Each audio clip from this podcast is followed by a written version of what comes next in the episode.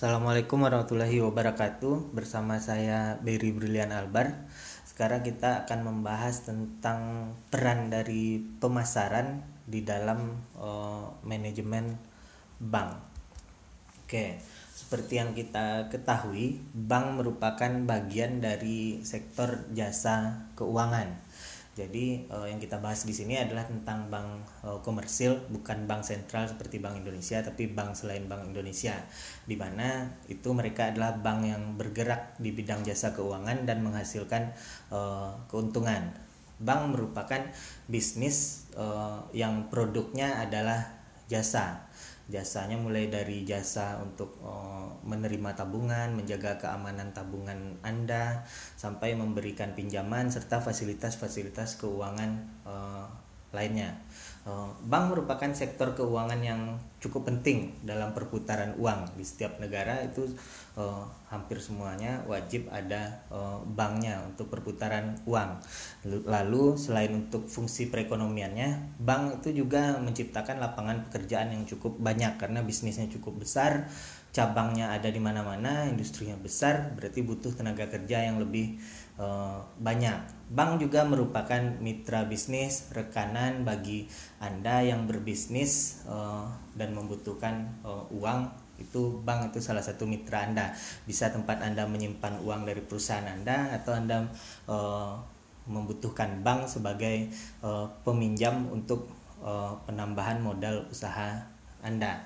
Jadi bank ini merupakan sektor keuangan dan salah satu bisnis yang sangat penting di setiap negara karena dampaknya pada perekonomian uh, negara tersebut. Oke, okay. uh, eh, untuk meningkatkan profit sebagai bisnis yang mencari untung pastinya butuh upaya-upaya. Nah, salah satu upaya yang dibutuhkan adalah upaya pemasaran.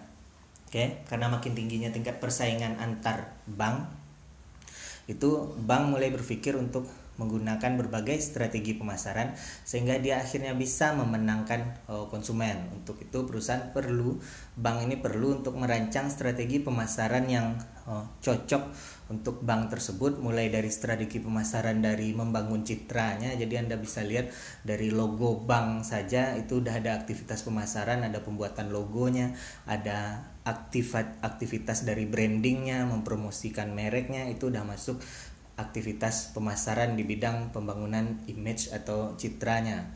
Lalu lanjut kerjaan bank selanjutnya adalah mendapatkan konsumen supaya orang mau nabung, mungkin datang ke sekolah-sekolah atau kerjasama dengan kampus sehingga mahasiswanya wajib untuk nabung di bank tersebut, buka rekening di bank tersebut, atau datang ke sekolah-sekolah atau buka konter di mall misalnya uh, mengajak orang untuk menabung, untuk bergabung sebagai konsumennya. Nah, itu upaya pemasaran uh, juga. Selanjutnya upaya pemasaran yang dilakukan oleh bank itu melayani dan memenuhi kebutuhan konsumen. Kebutuhan konsumen bank ini kan macam-macam, bisa tabungan, bisa uh, kredit, pinjaman, termasuk kebutuhan-kebutuhan lainnya seperti uh, kartu kredit, angsuran dan kebutuhan-kebutuhan lainnya. Selanjutnya, upaya yang dilakukan perbankan untuk menimbulkan kepuasan bagi si nasabah atau konsumen ini juga disebut sebagai aktivitas pemasaran. Karena dengan oh, pelayanan yang bagus diharapkan konsumen akan puas konsumen yang puas diharapkan akan loyal. Konsumen yang loyal dengan bank tersebut mungkin kalau sebagai penabung dia akan nyetor uangnya lebih banyak lagi nyetor lagi. Mungkin tabungannya dari bank yang lain mungkin dia setor di sana juga karena loyalitasnya meningkat. Lalu karena loyalitasnya meningkat mungkin dia juga beli atau menggunakan jasa-jasa lain yang ditawarkan oleh bank itu saking loyalnya nah semua kegiatan itu dari membangun image, mendapatkan konsumen sampai menjaga supaya konsumen itu berlangganan dan loyal nasabah tersebut itu membutuhkan upaya uh, pemasaran. Makanya bank itu tidak luput dari aktivitas uh, pemasaran. Persaingan antar bank sendiri itu cukup uh, tinggi, bukan hanya bank antar bank, tapi bank juga bersaing dengan lembaga keuangan uh, lainnya seperti uh, perusahaan asuransi, koperasi, penyedia jasa keuangan uh, lainnya misalnya termasuk mereka bersaing dengan uang uh, digital misalnya itu juga saingan dari si bank. Jadi bank ini bukan hanya antar bank saja, tapi pelai, pesaing lainnya, substitusi lainnya itu juga ikut uh, bersaing dengan bank. Oke, jadi persaingannya cukup uh, intensif. Karena itu butuh pemasaran yang efektif agar bisa memenangkan uh, persaingan. Namun uh, di satu sisi bank ini punya uh, perbedaan dengan bisnis-bisnis jasa yang lain. Uh, perbedaan utamanya adalah terletak dari dualisme dari bank ini. Uh, bank mempunyai dua jasa utama dan itu saling bertolak belakang. Oke, okay?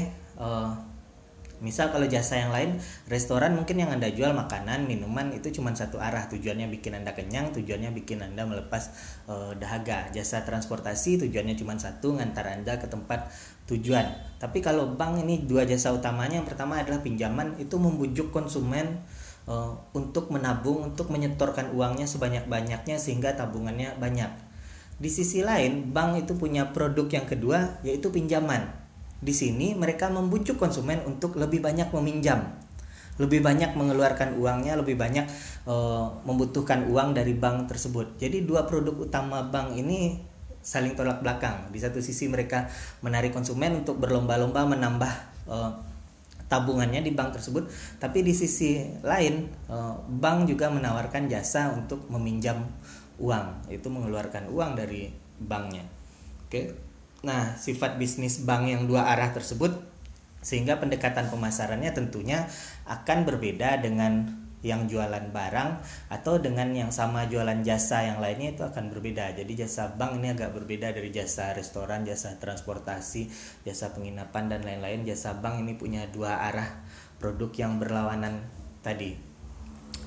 Oke, uh, menurut Kotler ini kita belajar tentang konsep pemasaran Kotler mengatakan kalau pemasaran itu konsepnya adalah aktivitas perusahaan dalam memahami kebutuhan dan keinginan dari konsumen yang sudah dipilih jadi target dan perusahaan harus mampu untuk beradaptasi dengan si konsumen yang dipilih tadi sehingga dapat menghasilkan produk yang dapat memuaskan konsumen lebih efektif dan efisien dibandingkan pesaing yang lain. Jadi kalau konsep pemasaran menurut Kotler yang pertama adalah perusahaan harus memahami konsumen dulu.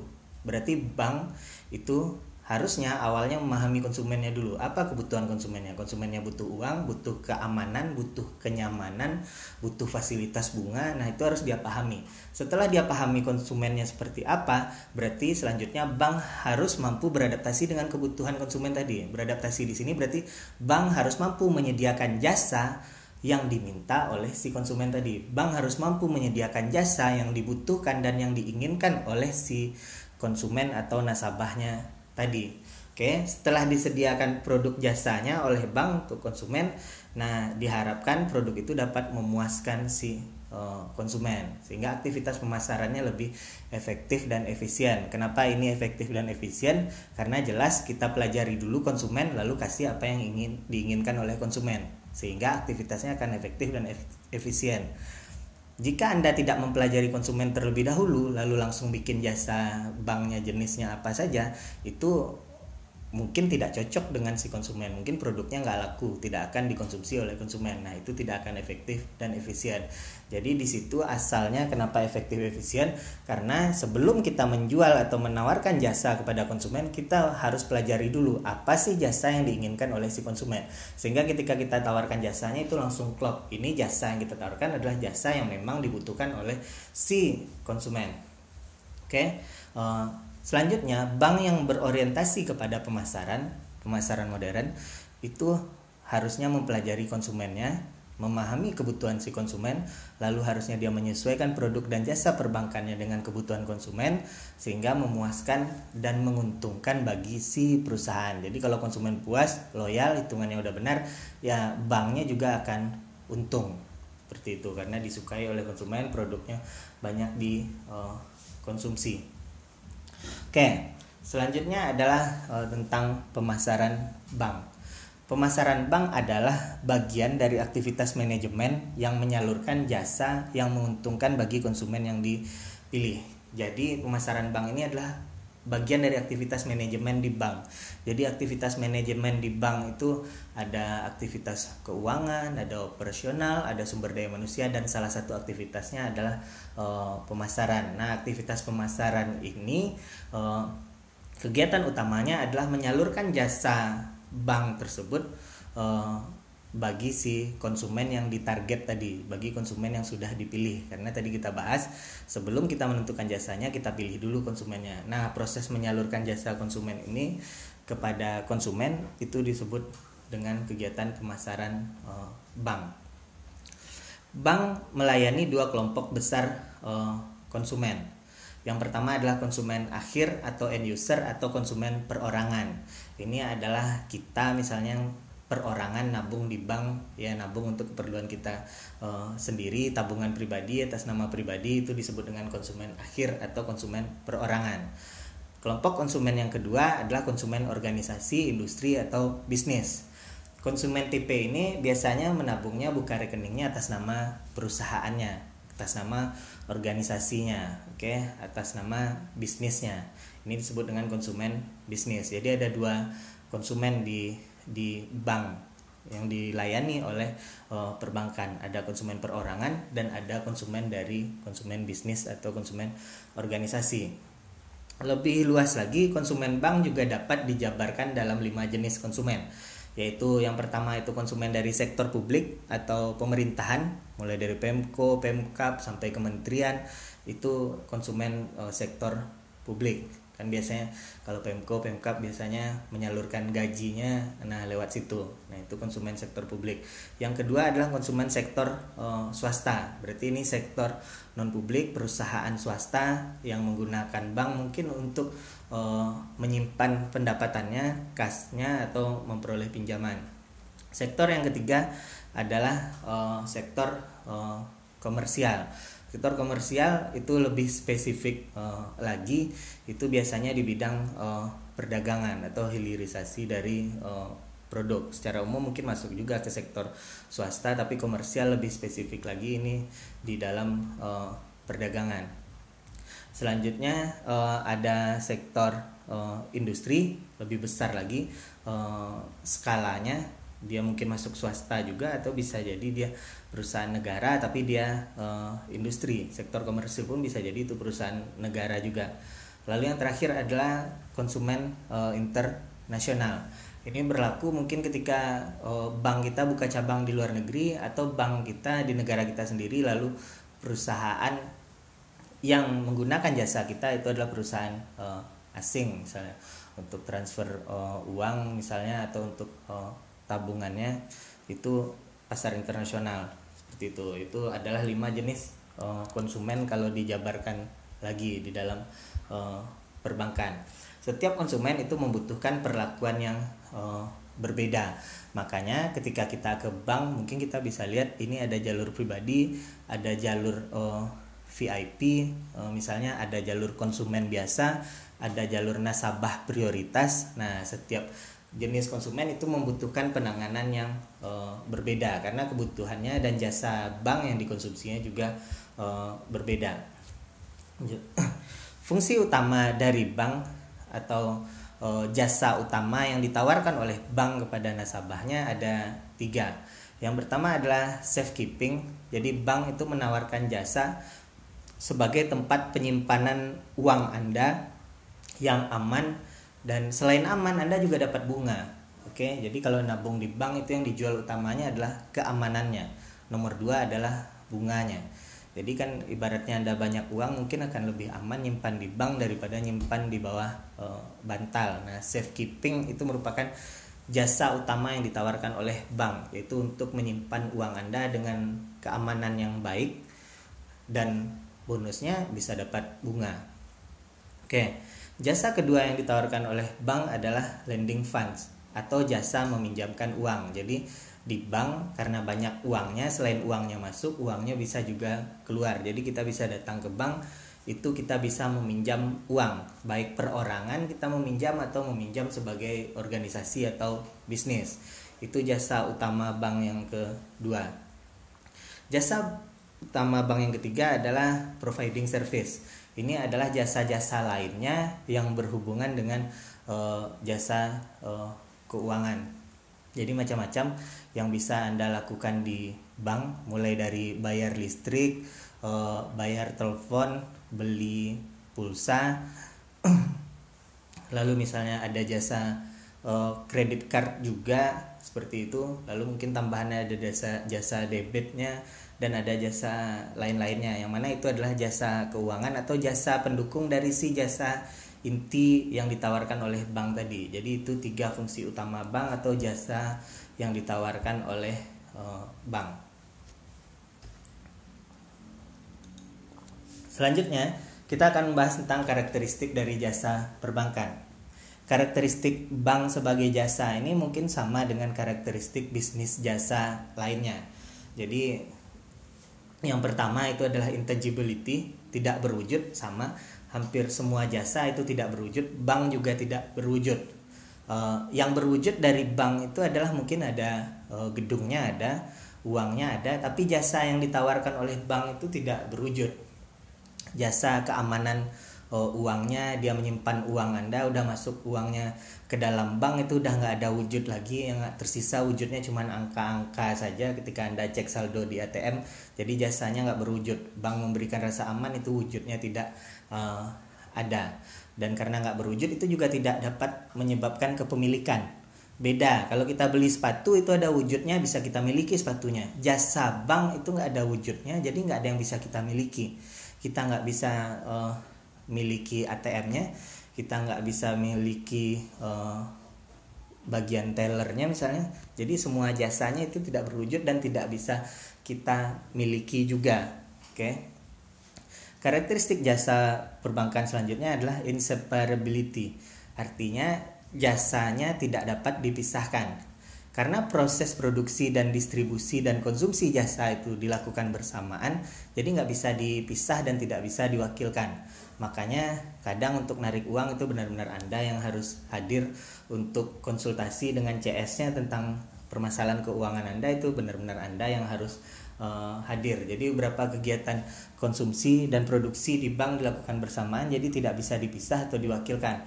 Walaupun beberapa saat ini itu sudah bisa diwakilkan seperti setor itu sekarang sudah bisa diwakilkan dengan mesin. Tapi pada dasarnya itu tidak bisa diwakilkan anda harus datang uangnya juga harus datang. Oke. Karakteristik jasa selanjutnya adalah sistem pemasarannya itu lebih uh, individualis.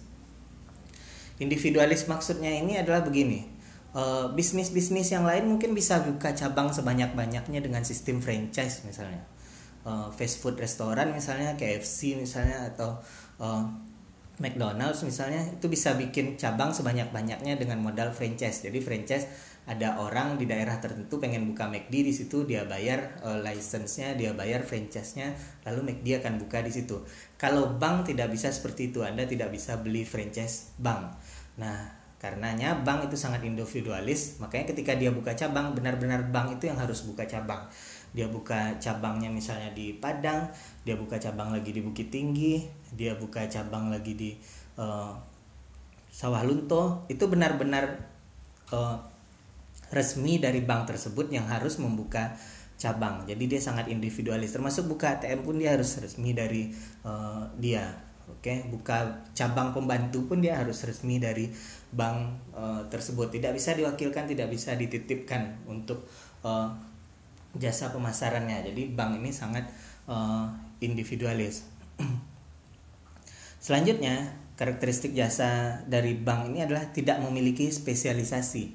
Jadi, kalau Anda lihat, hampir semua bank itu menawarkan jasa yang sama. Jasanya adalah jasa nabung, ada bunganya, lalu jasa pinjaman itu juga ada bunganya. Itu semua bank menawarkan jasa yang sama. Apalagi mereka nawarkan ada ATM, semua bank ada ATM, mereka menawarkan kartu debit, menawarkan kredit card, semuanya punya. Menawarkan jasa untuk bayar telepon, bayar tagihan lain, uh, bayar listrik, itu semua bank juga punya. Jadi semua bank itu punya produk yang sama. Jadi nggak ada spesialis-spesialisnya nggak ada kekhususan-kekhususannya. Di bank ini bisa kredit mobil, di bank lain juga bisa.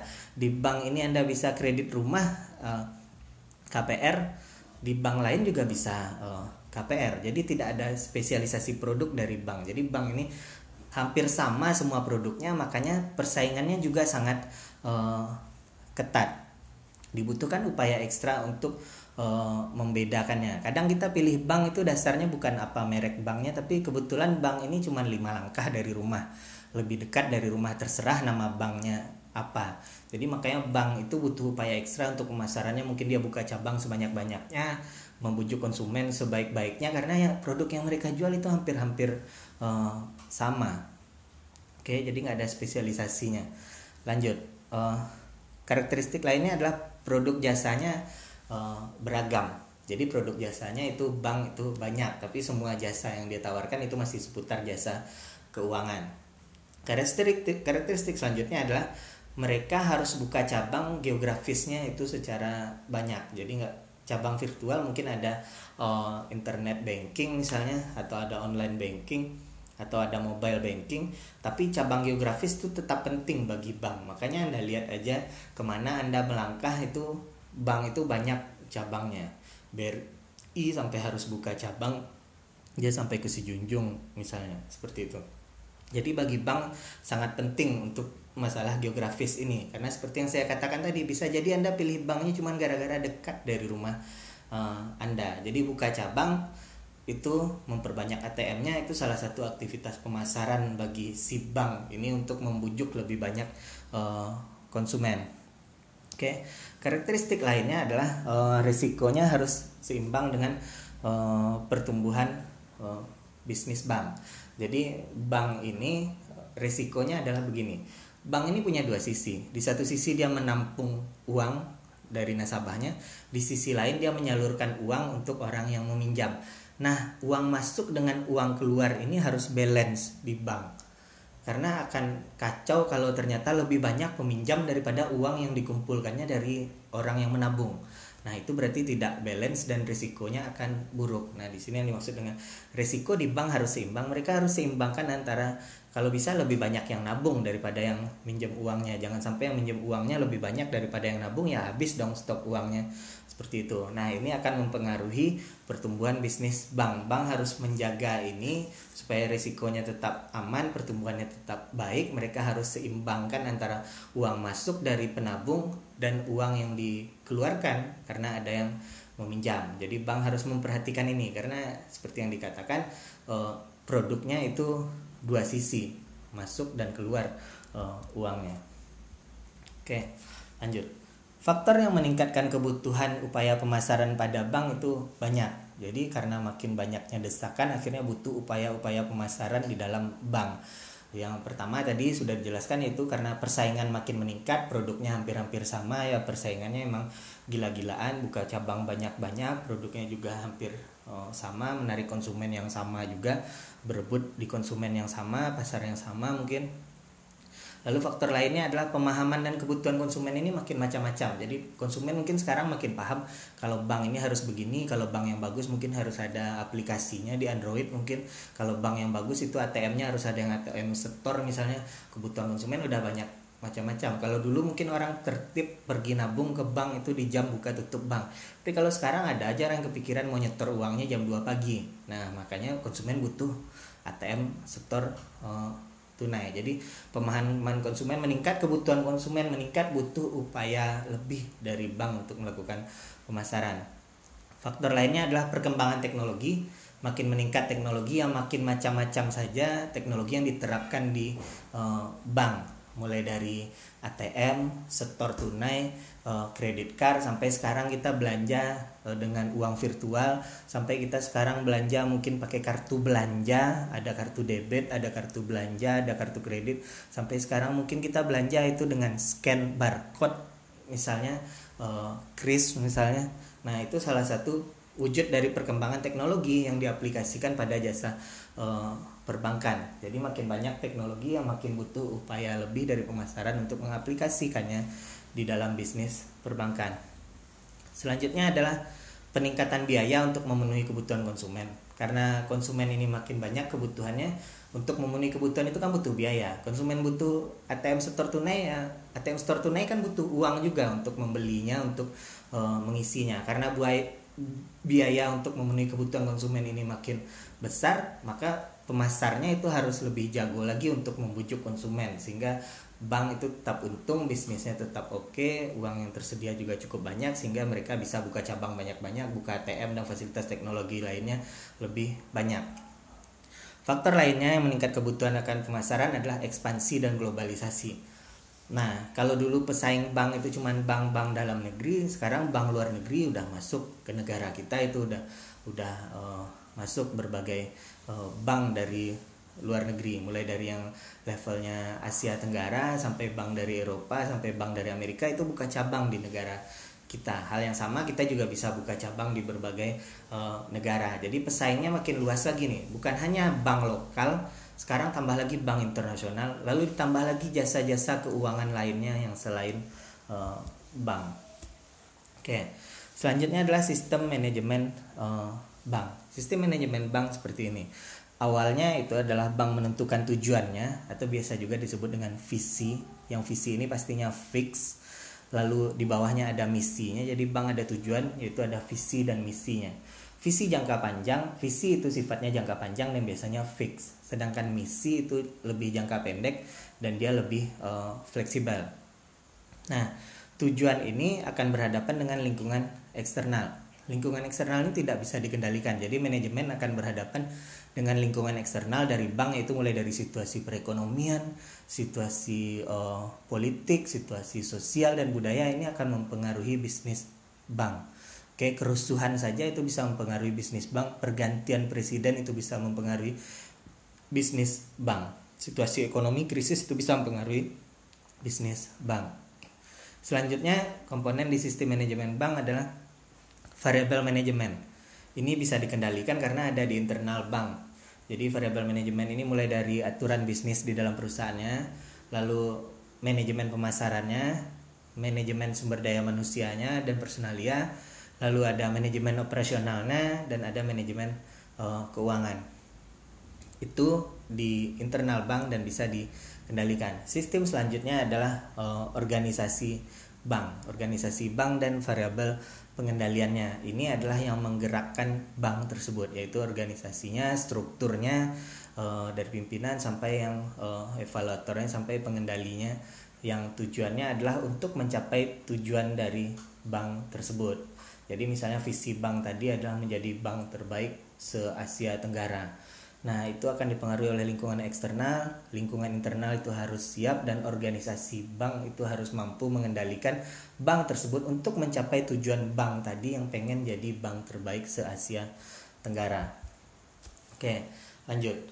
Fungsi pemasaran di bank itu uh, banyak seperti yang sudah dijelaskan tadi, mulai dari mempelajari perilaku konsumen, lalu menentukan segmentasi, targeting, dan positioning, lalu menentukan marketing mixnya, mulai dari produknya apa saja yang perlu dikembangkan, harganya berapa, jasa pelayanannya ini, biayanya, distribusi dan penyalurannya, lalu lokasi atau branchnya, buka cabang banknya, dan kegiatan promosinya, itu marketing mix. Oke, lalu ada strategi pemasaran lain selain marketing mix lalu ada kegiatan administrasi dan uh, evaluasi controlling dari program pemasaran apakah berjalan dengan baik atau tidak. Lalu ada juga aktivitas riset pemasaran untuk mempelajari tentang konsumen untuk mempelajari tentang situasi persaingan untuk mempelajari uh, semuanya. Jadi ada riset atau penelitian pemasaran termasuk untuk meramalkan tentang perkembangan bisnis untuk beberapa tahun ke depan atau biasa juga disebut dengan forecasting. Oke. okay Uh, pendekatan pemasaran pada jasa perbankan itu seperti lingkaran ini. Jadi di awal itu mempelajari konsumen, identifikasi konsumen dan apa kebutuhan dari konsumen tersebut. Lalu bank akan mempelajari kebutuhan itu dan menyediakan produk yang cocok untuk memenuhi kebutuhan tadi. Selanjutnya bank akan menentukan berapa harga yang cocok untuk pemenuhan kebutuhan konsumen tadi. Selanjutnya akan di tentukan cara memberitahu konsumennya seperti apa, media komunikasi promosinya seperti apa, lalu produknya itu akan didistribusikan kepada konsumen seperti apa sehingga akan sampai kepada konsumen, lalu terakhir ketika konsumen sudah mengkonsumsi itu mungkin bisa diteliti lagi apakah itu cukup memuaskan atau tidak apa perlu perbaikan atau perlu ada peningkatan dari kualitasnya lalu balik lagi. Jadi itu seperti lingkaran. Dari mengidentifikasi konsumen sampai menyalurkan produknya sampai dicek lagi apakah udah oke okay atau tidak lalu diidentifikasi lagi dan berulang. Seperti itu proses di dalam pendekatan pemasaran pada jasa uh, bank. Oke okay.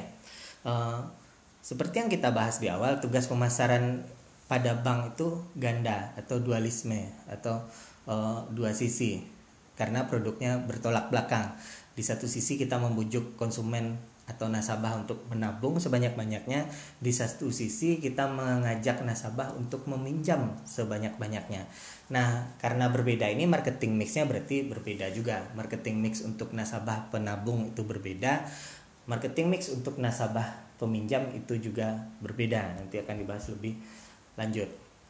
Oke jadi secara garis besar detailnya sistem manajemen pemasaran bank itu dapat dilihat mulai dari penentuan visi misi atau objektif dari bank tersebut lalu diimplikasikan di dalam strateginya strateginya itu akan dimulai dengan mempelajari konsumen dan menentukan segmentasi dan target si konsumennya itu siapa lalu mengelola upaya pemasaran tetap dikontrol yang sudah berjalan produknya lalu menghasilkan produk yang sesuai dengan marketing mix ada produk price place uh, promotion lalu ditawarkan kepada si konsumen dengan berbagai metode dengan berbagai strategi pemasaran lalu dikonsumsi oleh konsumen lalu dicek performanya lalu dicek melalui riset pemasaran lalu jika diperlukan perbaikan akan dilakukan perbaikan uh, lagi. Jadi itu sistem di dalam manajemen pemasaran. Bank yang diawali dari memahami konsumen kebutuhan dan keinginannya, menentukan siapa konsumennya,